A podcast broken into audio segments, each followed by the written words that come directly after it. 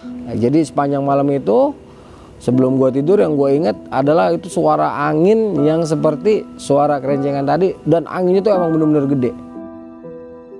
Di saat kita tuh udah konsumsi air itu buat ngopi, buat masak nasi, tiba-tiba dari arah atas tuh ada orang datang. Gue nemu ini sesuatu gitu kan, gue liat kok ada orang gitu yang ke arah Kledung gitu, gue gue liat ada orang gondrong juga kan posisinya, gondrong. Gue perhatiin, gue perhatiin, eh dia jalan tuh ke arah kawah.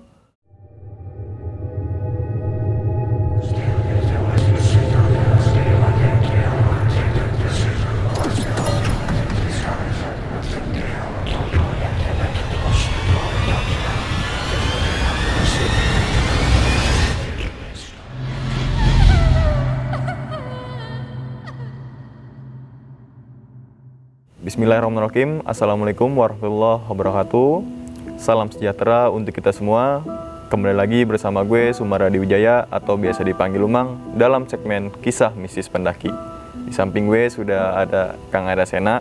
Ini video adalah kelanjutan dari Gunung Sumbing pada tahun 1997 Betul. Jadi teman-teman semua kalau pengen nonton video ini tonton dulu video yang uh, Gunung Sumbing pada tahun 1997. 97. Linknya ada di link deskripsi atau di pojok kiri atas ini ada kalian tonton dulu baru kalian tonton video ini. Betul. Dan selepas video ini kalian juga tonton atau mampir di channel Kang Arya Sena Cerita Pendakian. Bagaimana kisah dari Kang Arya Sena bersama temannya atau bersama rekannya yaitu Bang Babe, Bang Geboy, dan Udang. Bang Udang. Saksikan setelah yang satu ini.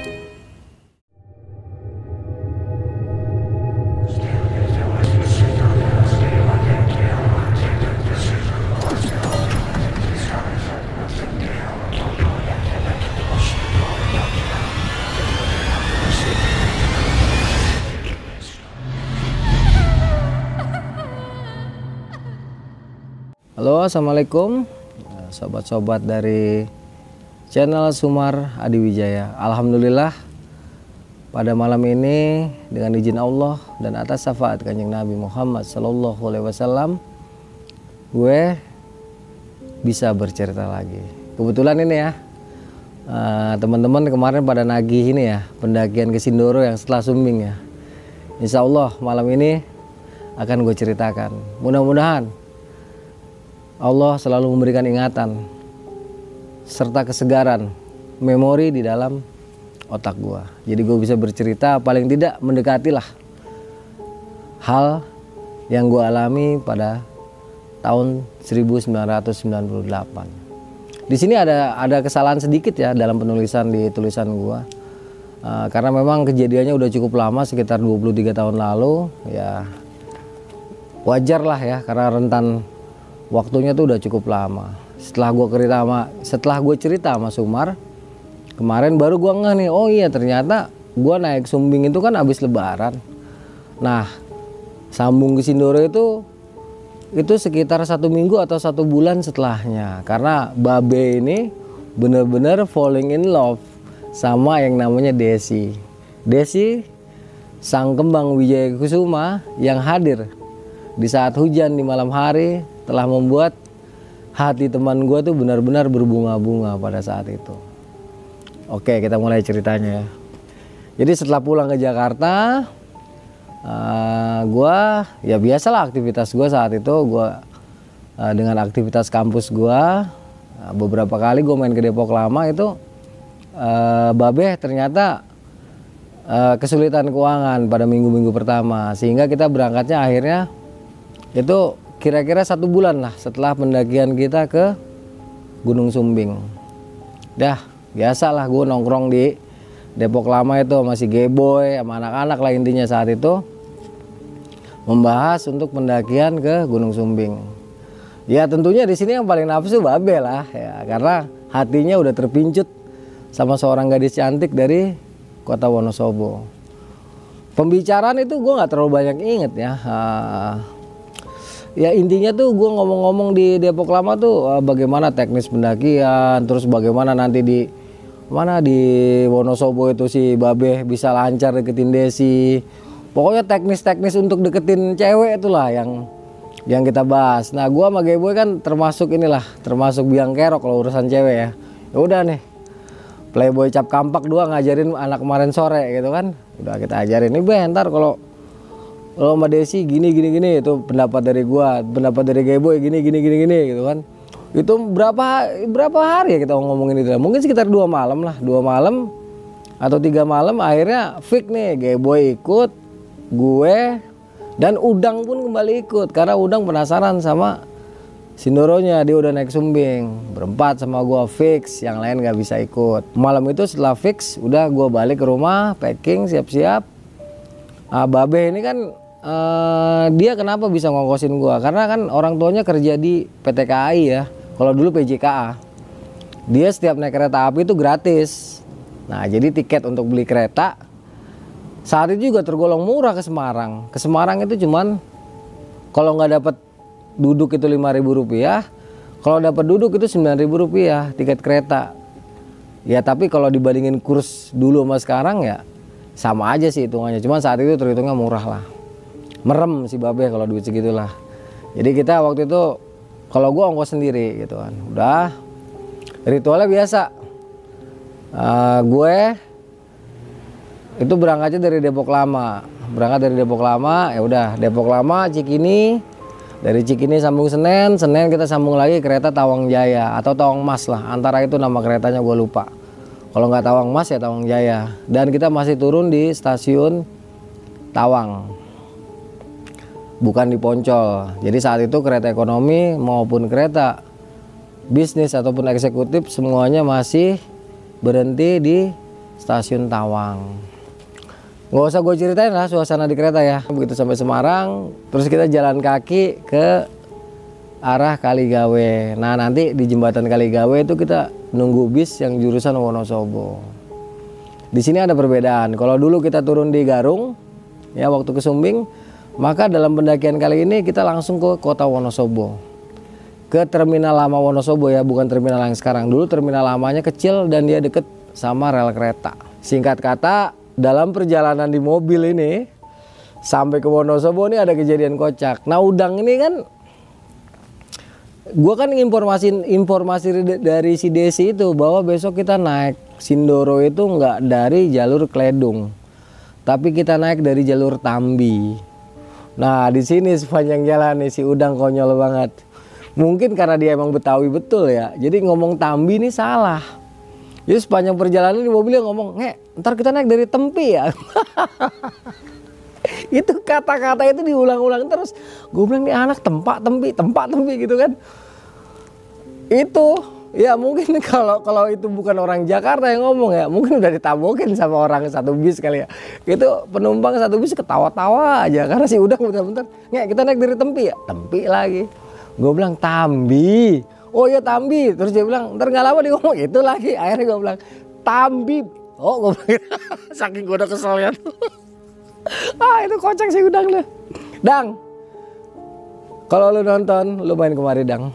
Gue kangen sama lu. Beh boy datanglah kemari kita cerita sama-sama nih di channelnya Sumar Adi Wijaya nih ya biar seru kita bagilah pengalaman kita oke kita balik lagi ini kejadian lucu di bis ya Gak lama kita sampai terminal Wonosobo. Nah rumahnya Desi itu cuma sejengkal dari terminal Wonosobo.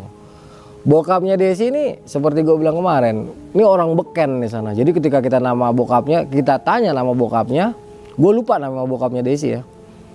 Ketika kita tanya, oh itu tukang delman kayak tukang angkot kayak preman kayak itu tahu semua. Oh langsung di sana itu rumahnya Pak siapa? Gitu, bapaknya Mbak Desi kan ya. Kita langsung diantar malah sama tukang delmannya uh, jalan kaki. Emang deket banget nggak nyampe 50 meter si Desi rumahnya tuh dari dari terminal Wonosobo. Nggak lama kita datang Desi kaget dong. Wah gila ternyata beneran nih kita ke sana kan.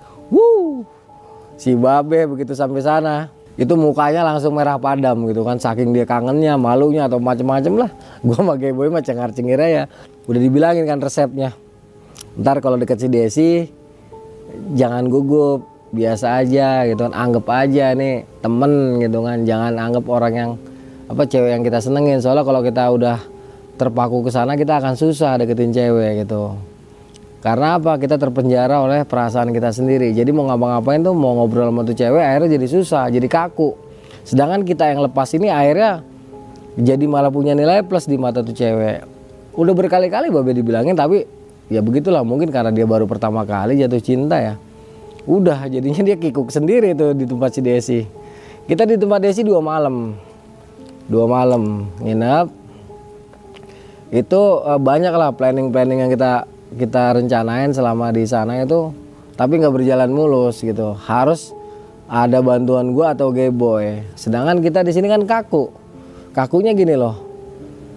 Kakunya ngerinya si Desinya malah ke kita. Karena kan kita lepas gitu kan. Lepas dalam arti ngegodain kayak muji-muji kayak kita cuek gitu kan karena memang kita biasa aja gitu. Beda sama babe yang diem ya gimana sih? Dia yang naksir dia diem baik gitu kan.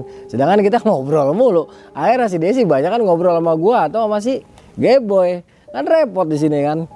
Nah itu dua hari pertama ini udah kelihatan lah. Boy sama sama gua tapi kayaknya si Desi itu kayaknya ya waktu itu kayaknya lebih seneng sama si boy.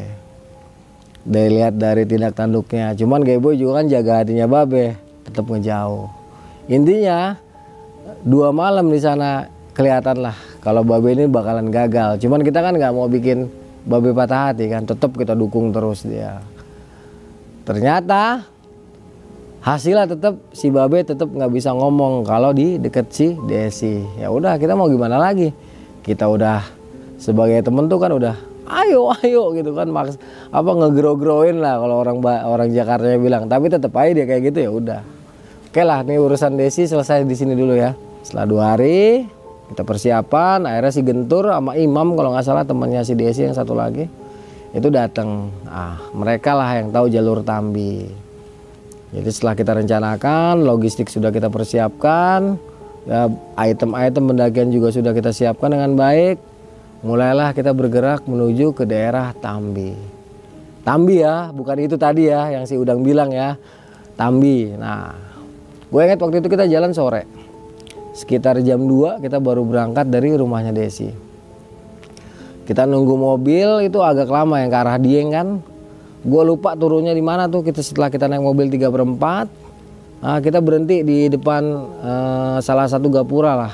Gue nggak tahu nama desanya apa itu. Cuman abis itu kita jalan kaki ke atas baru baru sekitar setengah jam jalan kaki itu Uh, kita dapat omprengan, kita dapat cold bug yang kita berhentiin mau. Alhamdulillah. Karena ternyata kalau jalan kaki, aduh, ini dengkul bisa pindah ke paha. Jauh.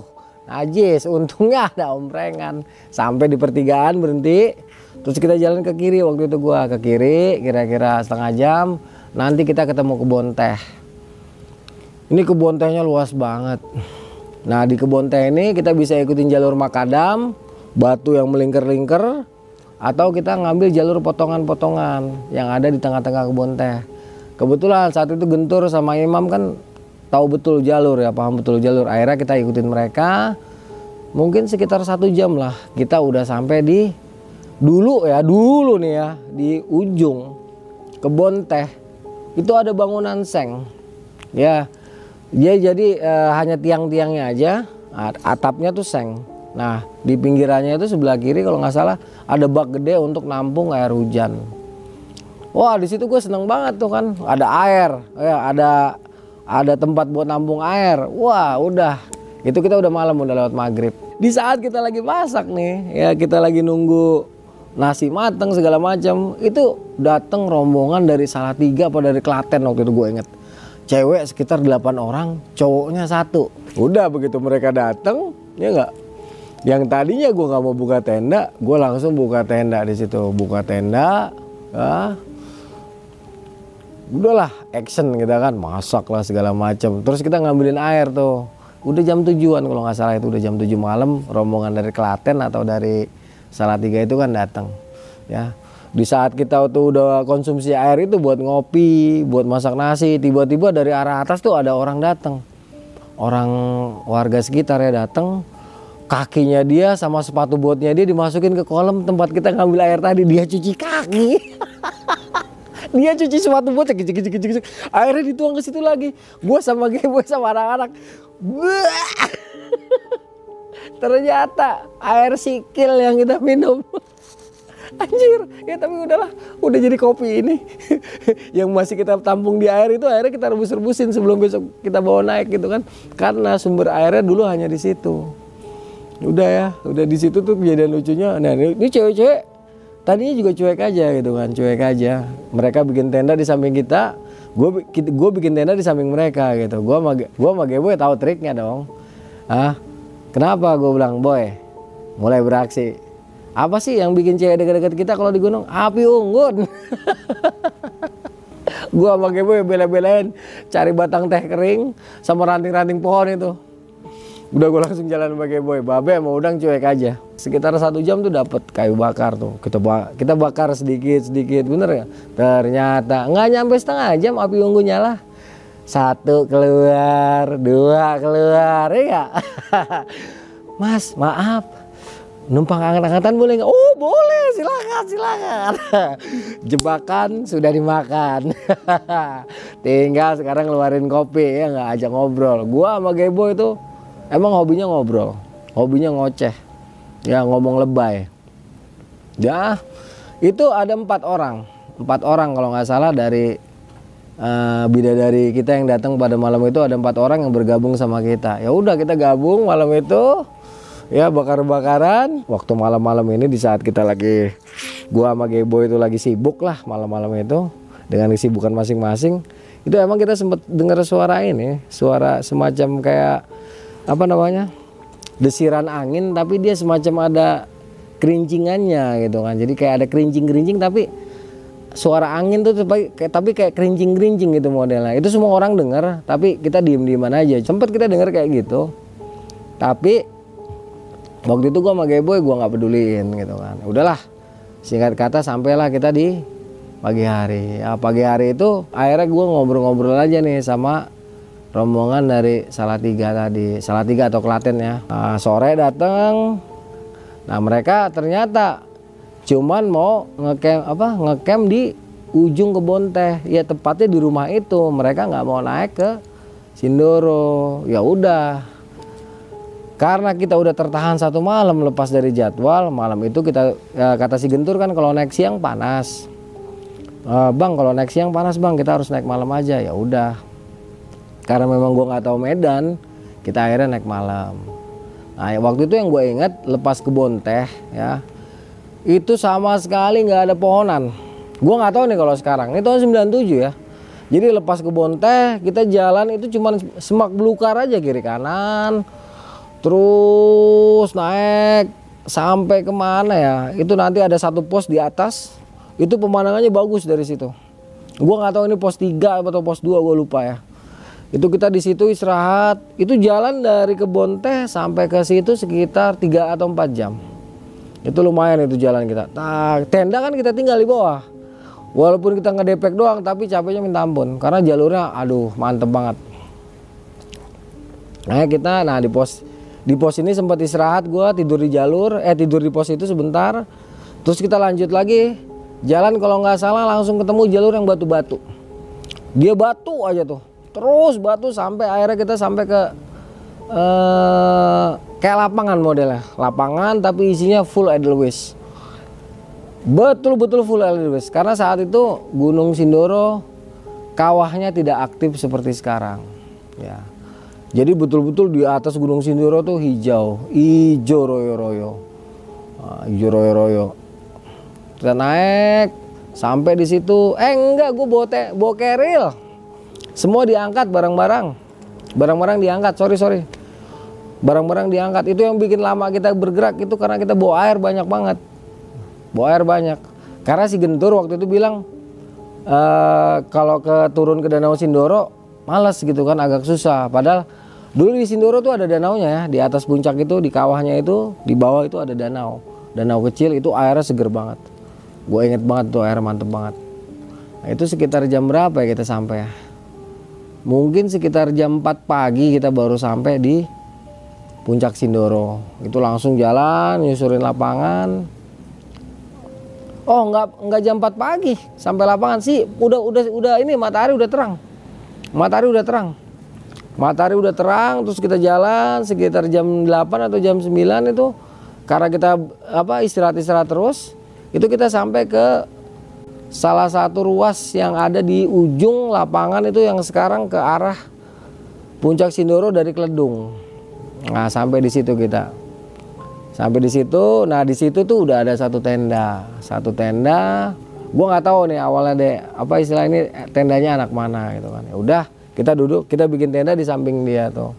Udah sore cuaca itu di selama di puncak tuh cuaca bagus si babe bengong aja kerjanya karena apa dua hari pertama dia di Wonosobo itu kurang sukses kurang suksesnya kenapa karena bener-bener nggak interaktif nih teman kita ini si babe ini setiap deket Desi omongannya garing. Sedangkan Desi udah berusaha untuk ketawa apa untuk mencairkan situasi tapi babenya tetap kaku. Akhirnya situasi cair oleh Geboy atau sama gua. Nah, di sinilah mungkin kesedihan Babe ya. Babe banyak murungnya di atas. Kita nggak enak banget waktu itu sama Babe. Soalnya kan bisa dibilang pendakian ini eh, 70 sampai 80 persen itu dibiayain sama Babe, mulai dari logistik, bahkan separuh ongkos kita juga dibiayain sama si Babe kan. Tapi si Babe di puncak Gunung Sumbing ini banyak eh Sumbing di puncak Gunung Sindoro ini banyak bengongnya. Dia bengong aja kan. Itu sampai sekitar jam berapa ya? Jam biasa trek gua tuh bikin api unggun lagi kan. Jadi setelah kita bikin margin safe margin safe tuh berarti wilayah yang aman. Agar api yang kita buat itu tidak menyebar ke mana-mana. Bahkan kalau tertiup angin pun dia nggak akan merambat ke mana-mana gitu kan. Jadi setelah margin safe kita kita buat nah, itu sampai dua lapis kita buat lapisan aman. Jadi kita bersihkan dulu rumput-rumput di sekitarnya itu kita gali ya di ini pusat api di tengah nih. Jadi lingkaran sekitar 60 cm itu kita kita bersihkan dulu. Kita jadikan tanah supaya tidak ada media api untuk merambat ke tempat lain. Nah setelah itu itu itu ring satunya kita bikin lagi ring duanya. Itu kita batasin sama batu-batu. Kita kelilingin bulat. Nah ring satunya nanti yang pas deket deket kobaran apinya kita lingkarin lagi sama batu-batu agak gede. Itu fungsinya apa? Untuk mengurangi terpaan angin agar bara, bara apinya itu nggak terbang ke mana-mana. Itu fungsinya untuk ring satu batu yang di lingkaran apinya. Kalau yang di luarnya itu untuk menjaga kalau ada percikan walaupun kiri kanannya itu sudah kita bersihkan dari semua media yang bisa terbakar oleh api. Kalau nggak ngerti sebaiknya jangan. Karena beresiko. Tapi kalau paham ya nggak apa-apa. Yang penting sisa apinya sisa bakarannya itu jangan cuman diinjek-injek. Kalau bisa ya disiram air atau dikubur sekali. Dikubur benar-benar dipastikan mati baru ditinggal. Karena akan sangat berbahaya sekali kalau kita main bakar-bakaran di hutan kita nggak tahu margin safe-nya ya, jadi jangan sembarangan kalau kita main api di gunung tuh jangan sembarangan jangan main asal bakar-bakaran apalagi habis bakar-bakaran main tinggal aja itu resikonya luar biasa. Jadi kalau kita main bakar-bakaran kita harus ngerti margin safety-nya. Setelah bakar-bakaran kita harus tahu cara memadamkannya. Memadamkannya ya. Jadi nggak cuma diinjek-injek tapi kita gali. Kita gali lubang di samping titik api yang udah kita buat tadi. Kita gali lubang agak dalam. Kita gali lubang, kita perkirakan sesuai dengan sisa bara yang ada supaya bisa masuk semua ke dalam lubang. Itu pun nggak boleh langsung semuanya. Jadi bara yang nyala-nyala dulu nih pertama. Bara yang nyala-nyala dulu yang masih masih membara itu kita kita geser-geserin dulu masuk ke dalam lubang. Itu kita baru kita gecok-gecok pakai batu kan cerak-cerak kita getok pakai batu. Ya setelah tinggal serpian-serpian kecil aja. Nah itu kita langsung uruk. Nah jadi pertama kali yang kita masukin ke dalam lubang adalah arang yang paling nyala tadi arang yang paling membara terus kita getok pakai batu ya biar hancur biar dia nggak bulat langsung kita kubur.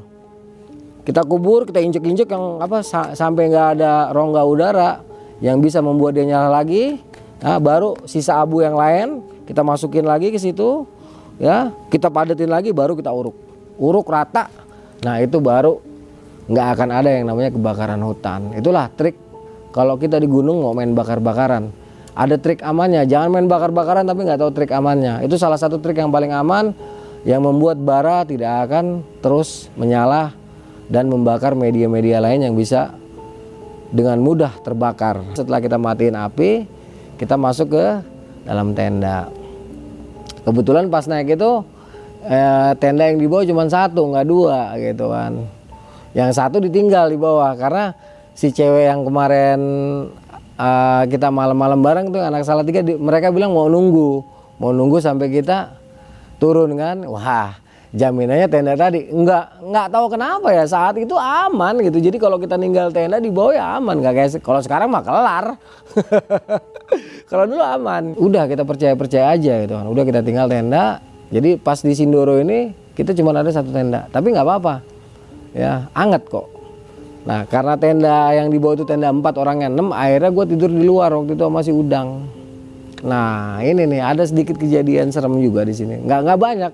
Pendakian gue ke Sindoro ini bisa bisa dibilang horornya tuh dikit banget. Jadi kalau yang mau cari cerita horor mohon maaf ya dalam pendakian ini nggak ada sedikit. Nah, waktu gue tidur di luar yang gue inget itu angin, angin gede banget pertama. Kayaknya emang badai deh. Soalnya suara gemuruh anginnya itu luar biasa. Wancang banget. Brrrr. Uh, itu suara gemuruh angin itu bener-bener kenceng. Setelah suara gemuruh angin ini ya sama kayak kemarin lagi. Jadi suara angin itu kayak suara ini, kayak suara apa ya? Apa eh, kecerengan gitu, percis kayak gitu suaranya. Kita dengar kayak gitu, kayak suara-suara kecerengan kayak gitu. Nah nggak lama baru nih kan gue mau kencing tuh malam ya gue mau kencing si si udang gue gue bangunin. Dang lu mau kencing nggak? Kalau mau kencing ayo bareng sama gue si udang bilang enggak bang katanya. Gue gue nggak mau kencing. Ya udah gue keluar sendiri. Nah pas gue keluar sendiri gue nemu ini sesuatu gitu kan. Gue liat kok ada orang gitu yang ke arah keledung gitu. Gue arah gue liat ada orang. Gondrong juga kan posisinya. Wah gondrong.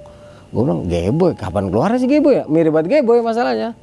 Gue perhatiin gue lihat-lihat mirip banget si Geboy nih. Perawakannya mirip banget Geboy gue perhatiin ya gue lihat kok sendirian malam-malam? Apa temennya si ini nih? Si Nenggelis tadi gitu kan? Apa temennya dia ya? Tapi gue sendirian di situ kan. Gue perhatiin gue perhatiin eh dia jalan tuh ke arah kawah.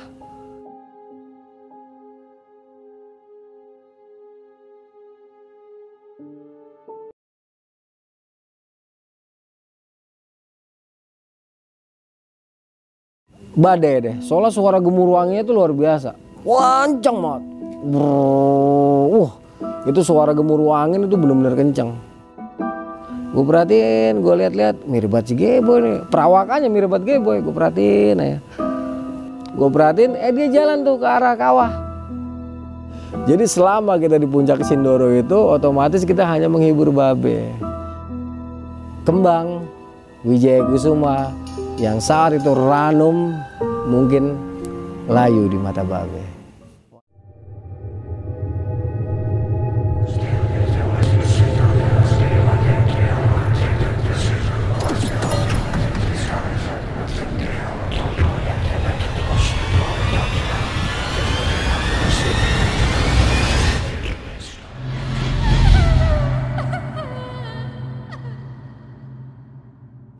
Nah karena tenda yang di bawah itu tenda 4 orangnya 6 akhirnya gue tidur di luar waktu itu sama si Udang. Nah ini nih ada sedikit kejadian serem juga di sini. Nggak nggak banyak. Pendakian gue ke Sindoro ini bisa bisa dibilang horornya tuh dikit banget. Jadi kalau yang mau cari cerita horor mohon maaf ya dalam pendakian ini nggak ada sedikit. Nah, waktu gue tidur di luar yang gue inget itu angin, angin gede banget pertama. Kayaknya emang badai deh. Soalnya suara gemuruh anginnya itu luar biasa. Wancang banget. Uh, itu suara gemuruh angin itu bener-bener kenceng. Setelah suara gemuruh angin ini ya sama kayak kemarin lagi. Jadi suara angin itu kayak suara ini, kayak suara apa ya? Apa eh, kecerengan gitu, percis kayak gitu suaranya. Kita dengar kayak gitu, kayak suara-suara kecerengan kayak gitu. Nah nggak lama baru nih. Kan gue mau kencing tuh malam ya. Gue mau kencing, si si udang gue gue bangunin. Dang lu mau kencing nggak? Kalau mau kencing ayo bareng sama gue. Si udang bilang enggak bang katanya. Gue gue nggak mau kencing. Ya udah gue keluar sendiri. Nah pas gue keluar sendiri, gue nemu ini sesuatu gitu kan. Gue liat kok ada orang gitu yang ke arah keledung gitu. Gue arah gue liat ada orang gondrong juga kan posisinya. Wah gondrong. Gue bilang Geboy, kapan keluar sih Geboy ya? Mirip banget Geboy masalahnya. Gue perhatiin, gue lihat-lihat mirip banget si Geboy nih. Perawakannya mirip banget Geboy. Gue perhatiin ya. Gue lihat kok sendirian malam-malam. Apa temennya si ini nih? Si Nenggelis tadi gitu kan. Apa temennya dia ya? Tapi gue sendirian di situ kan. Gue perhatiin, gue perhatiin, eh dia jalan tuh ke arah kawah. Ke arah kawah terus slup dia masuk. Anjing bukan orang suwe gue anjing. Gue langsung buru-buru kencing buru-buru kencing gue langsung masuk. Gue balik lagi ke tenda gue diem di situ. Nah suara yang semacam kayak kerencengan ini gue nggak ngerti. Apakah emang suara angin atau memang ada sesuatu di situ gue bener-bener nggak tahu. Cuman yang jelas malam itu gue merasanya tuh merinding-merinding tapi ya itu aja. Gue cuma dengar suara kerencengan sama gue ngelihat orang yang mirip Geboy tapi dia jalan ke arah kawah gitu kan. Gue nggak gua nggak cerita gue diem aja. Itu separuh mati gue akhirnya tidur juga. Tidur juga sampai pagi lah. Nah, jadi sepanjang malam itu sebelum gue tidur yang gue inget adalah itu suara angin yang seperti suara kerencengan tadi. Dan anginnya tuh emang bener-bener gede untung api udah kita matiin kalau api waktu itu belum kita matiin nggak tahu juga deh Nah, soalnya di sekeliling kita tuh Edelweissnya masih padat, masih rapet gitu kan. Nah, alhamdulillahnya kayak gitu. Setelah pagi datang itu, udah gua sama Geboy langsung. Yang biasa nggak pernah sisiran, sisiran dulu gitu. rebutan sisir. Lah beneran, sampai rebutan hand body gua sama Geboy. Biar kinclong. Lah beneran, boy, jangan sampai keling kita gitu kan. Jadi selama kita di puncak Sindoro itu, otomatis kita hanya menghibur babe. Kita memberikan istilahnya nasihat lagi sama Babe. Udahlah Be kan target kita Sindoro. Eh target kita emang Sindoro kan Be. Ya Desi mah bonus gitu kan. Syukur-syukur dapet Desi. Kalau enggak ya udah gitu kan. Babe dia nggak banyak ngomong. Dia nggak banyak ngomong dia diem. Intinya pada intinya saat itu kita di puncak Sindoro tuh serba bingung gitu kan nah si Babe kan dua hari pertama di sana tuh kayaknya memang udah udah jelas ya kegagalannya ya udah jelas ya Desi ini kayaknya lebih cenderung deket sama Gayboy. Nah, Gayboy yang paling gak enak waktu itu. Karena apa? Sekuat-kuatnya Gayboy ngindarin, ngindarin Desi. Desi tetep pokoknya ngobrol sama Gayboy kalau nggak sama gua. Nah, Babe kayaknya udah feeling gitu kan, udah feeling. Ya udahlah selama kita di Sindoro ini, gue bilang sama Babe, udahlah be, ntar kalau kita turun tes aja aja ke Dieng gitu kan. Tapi lu aja berdua ya gitu, jangan jangan jangan ajak Geboy atau jangan ajak gua gitu. Ya udah akhirnya kita matangin rencana nih di Sindoro sambil kita nikmatin pemandangan Sindoro. Jadi saat itu Sindoro tidak seperti sekarang. Dulu Sindoro tuh ijo royo-royo bahkan sampai di kawahnya yang sekarang keluar asap belerang itu dulu dipenuhi oleh Edelweiss di bawahnya itu ada air. Ya ada sumber air yang betul-betul seger. Enak banget. Beda banget sama Sindoro sekarang. Itu di sekeliling kawah Sindoro yang bulat itu isinya Edelweiss sampai ke tebing-tebing Sindoro itu isinya Edelweiss. Jadi Edelweiss jadi eh, puncak Sindoro saat itu kawah Sindoro saat itu benar-benar hijau royo-royo tidak seperti sekarang. Ya udah sepanjang kehadiran kita di sana ya udah kita nikmatin aja. Apa kehadiran kita? Sambil menghibur babe gue ingat waktu itu gue muterin kawah Sindoro itu gue puterin sekitar 40 menit. Sampai ke tempat tenda gue lagi. Dan itu seluruh area itu bener-bener hijau royo-royo. Bener-bener indah banget. Bagus banget. Nggak kayak sekarang. Setelah ngiterin area kawah kita masak ya. Malam siang itu kita masak kita persiapin untuk makan kita untuk bekal kita pada hari itu. Setelah siap sambil ngibur babe kita packing kita bergerak turun. Bergerak turun. Waktu itu gua sama Geboy karena gimana ya pengen buru-buru sampai gitu kan. Jadi setelah packing gue sama Geboy jalan duluan lari duluan tuh turun ke bawah. Wah itu sekitar jam 2 kita mulai bergerak turun. Bro kita mulai bergerak turun sekitar jam 2 tret jam 5 kita sampai bawah. Nggak taunya tenda sebelah kita udah nggak ada. Tapi tenda kita masih ada. Udah capeknya minta ampun. Kita akhirnya ngebes lagi di situ semalam. Di sini babe murung. Jadi kemurungan babe karena ya itu yang tadi gue udah sebutkan ya. Karena uh, Desi kayaknya lebih cenderung deket sama Gayboy tapi ya udah malam itu walaupun gue murung gue sama sama si Gayboy tetap ngomong sama Babe besok coba aja besok kita balik istirahat sehari coba tetap si Desi lu ajak deh ke Dieng gitu kan. Intinya kita malam itu membesarkan hati Babe sebelum tidur. Sebelum tidur kita kita coba membesarkan hatinya Babe berhasil ya berhasil. Babe akhirnya bisa senyum uh, kita istirahat. Istirahat nggak ada apa-apa itu malam kayaknya lancar-lancar aja deh. Nggak ada suara apa-apa kayaknya udah langsung tidur udah, udah pagi pagi kita langsung packing langsung buru-buru turun. Kira-kira uh, jalan kaki nih masalahnya gue pas turun. Waktu naik kan masih dapat angkot. Pas turun eh buset jauh bener anjrit. Itu buat sampai ke jalan aspal itu jauh banget. Tambi saat itu tidak seperti Tambi sekarang. Nggak ada tuh yang namanya angkutan umum apalagi ojek belum ada benar-benar belum ada. Karena memang jalur Tambi itu belum dikenal luas gitu kan. Hanya orang-orang setempat aja yang tahu jalur pendakian Tambi. Kalau dari Jakarta dari mana ada yang tahu tapi nggak nggak banyak lah sedikit. Jadi tra mode transportasi di sana baik ojek pun belum ada pada saat itu. Untung-untungan aja kalau kita ketemu call terbuka ya udah kita bisa apa namanya e, meringankan beban dengkul kita. Tapi saat gue turun tuh nggak ketemu sama sekali. Aduh begitu sampai ke bawah. Gempor itu dengkul rasanya pindah ke pinggang. Anjrit capek banget. Udah tapi untungnya di bawah ini kita nggak lama gitu kan. Kita nggak lama terus kita dapat angkot langsung ke terminal Wonosobo. Di terminal Wonosobo kita langsung jalan ke rumahnya Desi. Di rumah Desi gue langsung tepar. Gue Geboy Udang sengaja jalan-jalan ninggalin Babe sama Desi di rumahnya Desi. Ya jadi setelah kita tidur istirahat kan Wonosobo dingin banget ya jadi kita nggak mandi. Cuman cuci muka selesai cuci muka gue Geboy Udang langsung dang boy cabut. Kenapa? Babe Babe gitu kan. Karena kan kemarin malam kita udah setting nih udah setting rencana kan. Udah Babe juga sebelum jalan udah kita pesenin, beh jangan kaku, jangan kaku, jangan kaku, santai gitu kan. Kalau lu santai lu masih bisa harapan dapat.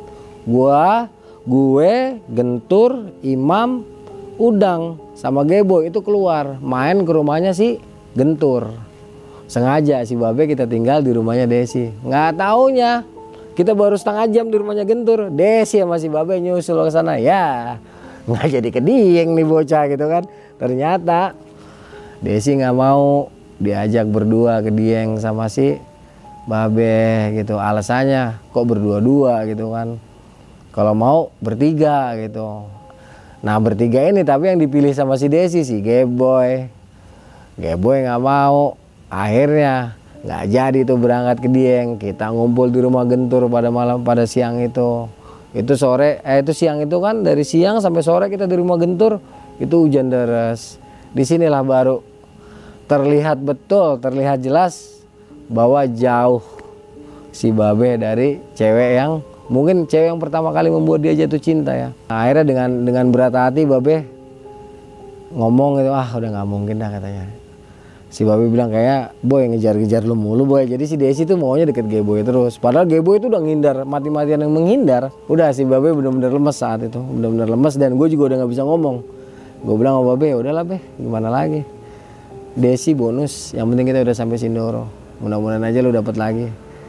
Udah babe bener-bener sedih saat itu bener-bener sedih dia banyak diemnya gue juga jadi kikuk kan apalagi boy super kikuk. Jadi yang harusnya kita mau nginep lebih lama lagi itu kita nggak terusin. Untuk apa sih? Untuk menghindari inilah kita kan harus ngejaga jangan sampai lah. Gara-gara satu cewek ini persahabatan kita yang udah sekian lama yang udah sekian kentalnya harus rusak berantakan hanya gara-gara satu hati gitu terpaut satu hati yang tidak satu hati yang terpaut tapi hati tersebut hanya bertepuk sebelah tangan. Sedangkan orang yang diincar malah ngincer temen. Nah kita waktu itu berprinsip nggak mendingan nggak usah sekalian gitu kan. Harusnya kita mau dua hari lagi kita mau ke air panas ya mau ke kali anget akhirnya kita tunda. Udahlah nanti aja lah kita ke kali angetnya. Dan alhasil sampai detik ini kita nggak pernah ke kali anget. Kita nggak pernah lagi tuh ke, ke tempatnya Desi itulah kunjungan terakhir kita ke tempat Desi di saat kita melakukan pendakian ke Gunung Sumbing Babeh bener-bener merasa sudah tidak mungkin mendapatkan Desi itulah kira-kira kisah gua selama di Gunung Sumbing pada tahun 1998 setelah naik dari Sindoro. Mohon maaf ini yang mau nyari horor pada kisah ini nggak ada sama sekali ya. Kisah ini lebih berbau kepada asmara dan kegagalannya serta kepahitannya. Kembang Wijaya Kusuma yang saat itu ranum mungkin layu di mata babe. Wassalamualaikum warahmatullahi wabarakatuh.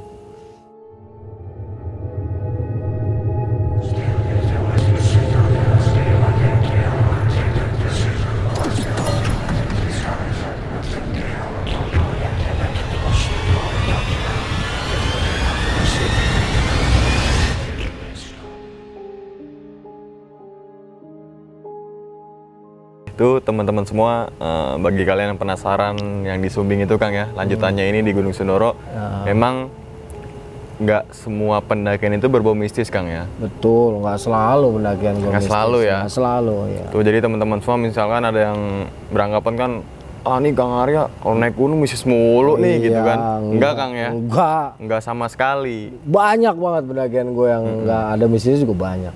Jadi mungkin teman-teman semua udah terjawab ya eh, kelanjutan dari si Desi itu bersama rekan Bang Arya itu si Bang Babe itu ya. Iya. Bahwa di di Gunung Sumbing saat itu memang kembang cinta di antara hujan Iya. yang tadinya Babe dingin akan perempuan ya kan. Dia menggelora. Nah, Gelora terus pulang akhirnya schedulein ke Sindoro iya. dan memang pas saat di Sindoro itu Babe terlihat lebih murung Kang ya. Betul, lebih murung. Lebih Karena dua hari pertama di tempatnya Desi itu dia nggak berhasil. Soalnya kan itu uh, dua hari krusial sebenarnya. Kita udah pesan-pesan tuh dari di kereta juga udah dibilangin, beh lu santai aja, anggap aja si Desi tuh adik kelas lu kayak atau siapa kayak pokoknya bukan cewek yang lu taksir deh gitu. Lu deketin aja lu ngobrol. Jangan sampai gue sama Geboy masuk gitu. Karena gue sama Geboy kalau deket cewek tuh nggak pernah gue anggap gitu. Gue cuek aja gitu apa sih istilahnya kita tuh terbuka gitu ngelawak lucu gitu. Jadi cewek itu lebih nyaman ke kita dibanding sama cuma diem ya kan? Nah, malah nggak ada obrolannya malah susah. Nah, susah. iya. Terus kita sigo, singgung dikit yang misis kejadian itu Kang, yang aneh ya, kejadian aneh. Yang suara angin tapi kayak suara kerincingan. Ah, ah, iya itu. Gue sampai sekarang bingung apaan itu. Apakah itu angin beneran atau memang ada sesuatu Itu gitu emang dua kali kan kejadian yang Dua pertama kali. sama yang Kang Arya keluar itu kencing dari tenda ya. Betul lah. Jadi yang pertama pas kita di kebun teh, ya kita denger semua itu. Cuman karena situasinya lagi lagi hot gitu ya, lagi enak ya kita ada api unggun ini hot, jangan yang aneh-aneh, api unggun. Di gitu kan. Unggun, Ya. betul.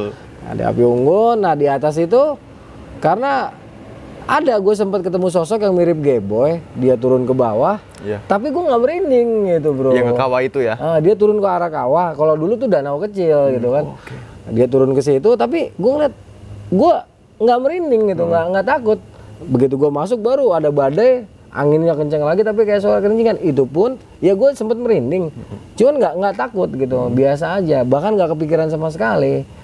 Ah, jadi memang nggak ngerti lah gue apakah itu angin atau memang ada sesuatu karena emang gue nggak pikirkan saat itu. Berarti anginnya di atas tenda, tapi te- keadaan tenda itu ada embusan angin nggak? Oh, kencang tenda, gebek-gebek sampai gebek-gebek-gebek. Uh, kencang banget. Apalagi anginnya. tenda dulu Kang ya kayak tenda pramuka ya, nggak kayak sekarang tenda teknologi sekarang nih. Kalau tenda gua kebetulan udah dum. Oke, udah udah dum, udah dum cuman yang nggak ada Keongeng nggak luar ada itu ya. keongnya, nggak ada yang masih begitu aja Gitu udah. aja, Nah, modelnya bulat ya. bulat gitu sut ya gitu. Heeh. Dan memang keadaan Sindoro pada tahun 98 dengan keadaan sekarang mungkin berbeda, sangat berbeda ya. Jauh. Kalau tadi jauh dijelaskan banget. sama Kang Arya, keadaan sekarang mungkin sangat berbeda, Kang ya. Yang tadi hijau, sekarang gersang, bisa Gersang dikatakan lagi ya. begitu. Aktif lagi soalnya Aktif lagi kan, Nah, aktif iya. lagi. Terus juga yang tadinya angkutan umum Nggak ada. nggak ada. Hmm. Sekarang mungkin zaman canggih charteran, Kang ya. Iya. Charteran di mana-mana. Charteran di mana-mana dulu mah bener-bener jalan kaki. Ya gue pernah ceritain Garung aja dulu nggak ada apa-apanya gitu. Kita harus jalan kaki sampai ke base camp itu sekitar satu jam gitu dari pinggiran jalan. Itu pun masih makadam. Kalau sekarang kan udah aspal mulus. Base campnya cuman kedip aja sampai gitu kan. Kalau dulu gua jalan jauh Jalan gitu. jauh, Nah, jalur jalan- lama lagi. Eh, jalur baru. Jalur baru Jalur kita baru, ngambilnya iya. sebelah kanan itu. Yang lama kan di kiri. Terus kita singgung lagi yang tadi ini mungkin teman-teman bisa ngambil poinnya yang terkait Bang Kang Arya menjelaskan api unggun. Betul. Ya. Mungkin ada beberapa pos pendakian atau gunung yang tidak memperbolehkan pendaki membuat, api unggun. Kayak banyak kan kejadian gunung terbakar karena ulah pendaki yang pengen bergerak turun ke bawah tapi api unggunnya lupa dimatikan. Betul, karena mungkin tidak benar cara Betul. mematikannya. ya. Karena kan api unggun tiga punya tiga unsur Kang ya. Betul. Ada udara, bahan bakar juga panas. Nah, tiga elemen ini kalian kalau mau meninggalin harus perhatiin Harus gitu. diperhatiin betul. Kalau api unggun kalau kalau kecil jadi teman, kalau gede jadi musuh Kang ya. Betul. Pen- Kecil jadi sahabat, gede jadi Sahabat, ya. penjahat dia. Heeh. Jadi Kang Arya menurut Kang Arya nih, apakah setiap pendakian gunung itu Kang Arya selalu membuat api unggun? Always. Selalu ya. Selalu. Bisa dibilang 90% itu bikin. Mm-mm. Ya hanya beberapa lah yang nggak ya enggak. Pada tahun 90-an itu bisa dikatakan hampir semua pendakian gua bikin api unggun. Karena apa? Karena kita tahu tekniknya gitu. Bagaimana cara membuat api itu betul-betul menjadi sahabat kita. Seperti yang gue jelaskan tadi, jadi kita harus punya margin, safe. Margin safe itu pun kita harus punya dua ring atau tiga ring. Paling bagus tiga ring. Itu agak berarti sekitar 2 meteran dari pusat, api, ya dari pusat api. Jadi ring pertama nih, kalau memang mau sedikit aman, ya kita batasin lagi pakai batu dia, agar bara-bara yang terpercik ya. Yang paling panasnya itu yang posisinya di bawah dia nggak nggak ikut terpercik kalau ada angin. Terus kira-kira 60 cm ya dari pusat api itu kita bersihkan, kita putuskan dari material-material yang bisa membuat bara api itu nyamber ke tempat lain. Nah, itu kita putuskan 60 cm muter. Terus yang kedua, lebih bagus lagi kita bikin lagi ring duanya sama. Nah, itu jadi tanah yang kita bersihkan itu kita buat seperti lingkaran, ngelilingin. Nah, itu salah satu teknik untuk mutus api. Begitu juga kalau ada kebakaran hutan. Tahu nggak trik mutus apinya kalau kita terjebak di tengah kebakaran hutan? Satu, kita perhatikan arah angin.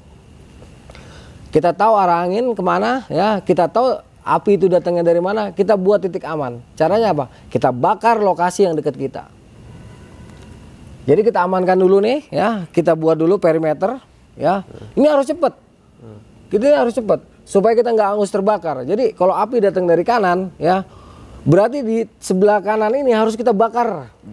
Sebelum api dari sana datang di sebelah sini harus yang dekat kita harus kita bakar dulu. Jadi yang dekat-dekat kita kita injek-injek dulu. Kita ini namanya perimeter ya. Kita injek-injek dulu. Ya kita injek-injek sampai kita kita tuh aman. Ya mungkin 3 meter lah ke depan. Ya 3 meter ke depan. Kalau misalnya dia pohon-pohon besar, ya itu nggak mungkin. Ya, yang jelas yang bisa kebakar tuh ranting-ranting pohon-pohon kecil dengan ranting-ranting kering. Nah itu kalau bisa kita patahin kita patahin. Yang dekat-dekat kita kita bikin yang namanya perimeter lingkaran atau pemutus api. Nah itu kita bakar itu. Jadi api dari sana tidak akan nyentuh kita karena dia 4 meter di depan kita udah habis, udah nggak ada yang bisa dibakar untuk sampai ke kita. Jadi palingan 4 meter ke depan tuh udah kita bakar duluan. Sebelum dibakar sama mereka kita bakar duluan nih. Tapi kalau mereka nyambernya ke sana nggak apa-apa biar putus kalian gitu kan. Ya kalau emang sanggup ya putusin. Putusin aja seluruh garis api. Cuman kayaknya nggak bakal sanggup. Palingan nggak kita amankan diri kita aja. Caranya kalau titik api dari kanan berarti sebelah kanan kita 4 meter itu ke depan kita bakar dulu. Ya sampai kita aman nggak kena api. Sama sebelah sini juga kita amankan, kita putuskan, kita injek-injek aja, kita ratain gitu kan. Kalau kita nggak mau bakar, pokoknya bagaimana caranya api itu nggak nyampe ke kita. Dilingkarin boleh, ya kita bikin perimeter, kita bakarin. Kalau yang sebelah sana yang belum kebakar, begitu kita bakar langsung kita matiin karena apinya kecil masih bisa kita kendalikan. Nah yang dari sebelah sana kan besar. Bagaimana cara api besar itu? Walaupun di sebelah sana kita 4 meter kebakar, di sebelah sana kita kebakar, tapi dia nggak akan kena kita. Jadi kita di tengah-tengah api itu aman karena ada margin safe yang kita buat. Itulah tadi tarik cara memutus eh, eh, jalur api kalau kita terjebak di kebakaran hutan. Nah, di tahun berapa lupa itu ada salah satu pendaki yang terjebak di kebakaran hutan di mana lupa? Gunung Lawu. Di Gunung Lawu ya. Sampai hangus terbakar. Nah, ya. memang eh, keadaan-keadaan seperti itu memang tidak tidak kita duga Kang Ya, ya. betul. Memang eh, ya kembali lagi tadi kalau kalian pengen pergi ke luar kalam bebas ya kalian tahu dulu basicnya seperti apa Betul, ilmunya seperti apa. Jadi ketika ada, Ada kebakaran sesuatu. api suatu atau apa pun itu bisa menanganinya Kita bisa tangani dengan cepat dengan cepat. baik gitu. Betul. Jadi kalau disinggung tadi bikin parit Kang ya. Ya, kita bikin Parit perimeter, ya. parit. Perimeter. Kita lindungi diri kita. Kalau api dari kanan, maka sebelah kanan kita 4 meter ke depan itu kita bakar duluan supaya api dari sana kan keputus di tempat Iya, kebakaran ah. itu. Dia nggak akan sentuh kita. Ya sama kita di sekeliling kita ini. Sekeliling kita ini supaya di tengah-tengah itu semacam lingkaran itu api jadi muter aja dia. Gitu. Syukur-syukur kita bisa putus. Sebenarnya bisa diputus kalau memang mau gitu kan. Palingan enggak 4 meter itu masih panas. Kalau emang mau putus aja sekalian kalau gitu. Mendingan diputus sih kalau emang bisa. Kalau api datangnya dari kanan berarti sebelah kanan ini kalau kepisah sama jalur bakar semua tuh kalau bisa. Yang jalur sebelah sini kita amanin tuh kalau bisa tuh. Cepet kita bakar malah aman. Jadi kebakaran itu nggak akan ngerembet ke sebelah sininya gitu. Atau dari mana kayak misalnya sebelah sini pokoknya kalau ada jalur itu sebenarnya kalau udah ada jalur pendakian tuh untuk mutus api itu sebenarnya enak banget. Iya ya. Berarti itu mutus ini bisa dicara bakar atau bisa ditebang pakai golok Kang ya. Bisa kalau ada golok gitu. Nah, makanya kan kita rebahin. Ah, ah, nah makanya kan ada beberapa pos pendakian juga memang tidak diperbolehkan untuk membawa golok bang. Betul, karena memang lebih banyak disalahgunakan. Salahgunakan. Karena tidak mengerti teknik-teknik dasarnya ya. keperluan golok tuh sebenarnya urgensinya buat Iya. apa gitu. malah buat nyoret-nyoret ini apa. Vandalisme. Iya. Nama, ya kan? Nah, itu sebenarnya padahal kalau memang lu bawa golok itu dipergunakan sesuai dengan alokasinya sesuai dengan keperluannya itu luar biasa memang sebenarnya sangat dibutuhkan golok Iya. itu dalam pendakian tapi ya gitulah karena sekarang ini banyak penyelewengan jadi banyak penyalahgunaan alat-alat gitu kan golok malah buat nulis-nulis di kayu, Nulis-nulis kayu, gitu di kan. pohon. Nah, iya itu sebenarnya yang gara-gara segelintir orang orang banyak jadi berimbas rugi iya. Nah jadi teman-teman kalau nggak tahu betul tentang dasar teknik eh, pembuatan api unggun, mendingan nggak usah deh. Ini nggak usah ya, Ini nggak usah bagaimana cara memadamkannya. juga. Seperti tadi kan udah gue jelasin, bara-bara yang paling besarnya kita gali lubang kita masukin dulu tuh, terus kita hancurin, kita gecek, uruk, kita injek, jangan sampai sehingga itu tadi udara itu nggak bisa masuk lagi. Baru setelah kita uruk, baru kita masukin lagi nih bara-bara yang agak kecilnya kita uruk lagi. Ya, jadi ada dua lapis Iya. Tingkatan sebenarnya itu baru benar-benar aman kita Jadi tiga elemen itu hilang kang, ya? elemen api itu ya. hilang karena nggak ada udara sama sekali. Jadi emang harus padat. Padat betul. Iya. Nah ini juga sedikit sharing gue pernah temuin di Gunung Lawu Hmm. di mana le- apaan sih namanya tuh lembah Kijang ah Gupakan Menjangan. Oh, gupak menjangan. Gupakan Menjangan kan kalau teman-teman tahu itu sangat terbuka, anginnya gede. Betul, anginnya gede. Itu ada salah satu pendaki, rombongan pendaki yang memang malamnya saat itu Bikin membuat api unggun. Hmm. Tapi pas paginya api unggun tuh bia- biarin membara. Oh, dibiarkan membara. Oh, itu bahaya banget itu. Apinya nggak ada tapi hawa panas yang membanakan masih ada. Masih ada baranya. Kan gitu. Itu sumber sebenarnya itu. Apinya hilang, tapi kalau baranya masih ada, ini potensinya luar biasa. Nah, Betul. Hmm. Jadi kalau teman-teman semua melihat atau menemui rombongan pendaki yang memang tidak bertanggung jawab nih Kang atas Oh. membuat api unggunnya tegur aja. Tegur kalau enggak ya Ya kasih tahu kayak kasih gini tahu gitu caranya kan. begini kita kita mohon maaf ya sama dia caranya yang baik-baik Yang kita kasih tahu contoh udah. Jadi saling ngingetin aja saling ya. ingetin itu sangat perlu. Kalau orang yang kita ingetin nggak mau ya kita pura-pura aja kita diem aja dulu situ pura-pura istirahat sampai dia pergi kita amankan gitu. Daripada ribut. Nah, ngapain ribut lah nggak penting. Iya, nggak kan. penting yang juga. penting ini apinya mati bukan ributnya kan. Jangan bikin api baru gitu Oke teman-teman itu aja eh, cerita dari Kang Arya nih ketika di Gunung Sindoro, Sindoro ya. Jadi memang di Gunung Sindoro ini tidak banyak sekali kejadian mistis kan. nggak ada bisa Tidak. dibilang ada tapi nggak menyeramkan terlalu lah menyeramkan, Nah, tidak terlalu aja. membekas ya. nggak biasa membekas sama aja. sekali Jadi eh, teman-teman yang mungkin beranggapan bahwa Desi ini bukan orang kan gitu Kang Iya. ya. Dia itu orang kok bener Orang, kok. orang bener, Orang ada bener. rumahnya, iya. Ada rumahnya dan sebagainya. Nah, teman-teman eh, semua minta doanya Insya Allah pada bulan Mei Kang ya, Iya. Insya Allah Kang Arya akan mengeluarkan buku kedua. buku kedua betul Buku kedua, tapi judulnya masih 1001 kisah pendakian. Iya, ada nanti setelah 1001 kisah pendakian bawahnya ada caption perjalanan para demonstran Mahameru 9000 eh Mahameru 1998. Nah, kalau boleh tahu Kang, itu sin- eh, latar belakangnya itu Kang, buku itu buku kedua. Latar belakang buku kedua adalah peristiwa jatuhnya salah satu presiden pada saat itu ya. Oke. Salah satu gejolak politik terbesar setelah 66. Itu latar belakang pertama. Yang keduanya adalah latar belakang pendakian kita yang dilakukan setelah kita melakukan demonstrasi habis-habisan. Oke. Setelah melakukan pendakian gunung pada bulan November, pada tanggal 11 November sampai 15 November, kita menghadapi peristiwa Semanggi II yang juga memakan korban cukup banyak. Jadi dua frame-nya itu dua main frame-nya adalah peristiwa gejolak, ya gejolak nasional yang saat itu memang kebetulan gue sebagai mahasiswa, sebagai demonstran ya, betul-betul melakukan mengalami kejadian tersebut dan menjadi pelaku dari demonstrasi. Ingat ya, demonstrasi 98 itu berbeda dengan kerusuhan Mei 98. Bedakan dengan jelas. Kerusuhan Mei 98 tidak dilakukan oleh mahasiswa. Kerusuhan Mei 98 adalah kerusuhan yang disebabkan oleh tewasnya mahasiswa yang mengakibatkan marahnya massa. Tetapi bukan mahasiswa yang melakukannya. Mahasiswa ada di dalam kampus. Ingat, kita sebagai kaum intelektual, sebagai kalangan akademis tidak pernah ikut-ikutan urusan bakar-bakaran.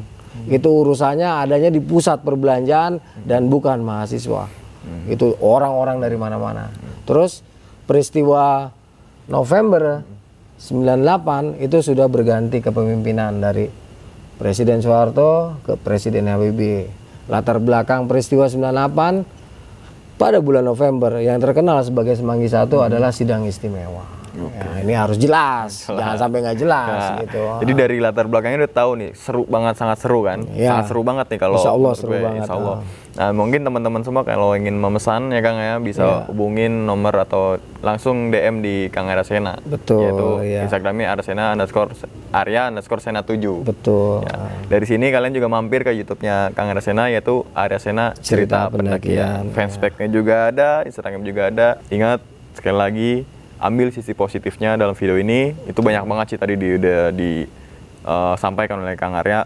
Oke, teman-teman semua, sampai sini dulu. Wassalamualaikum warahmatullahi wabarakatuh.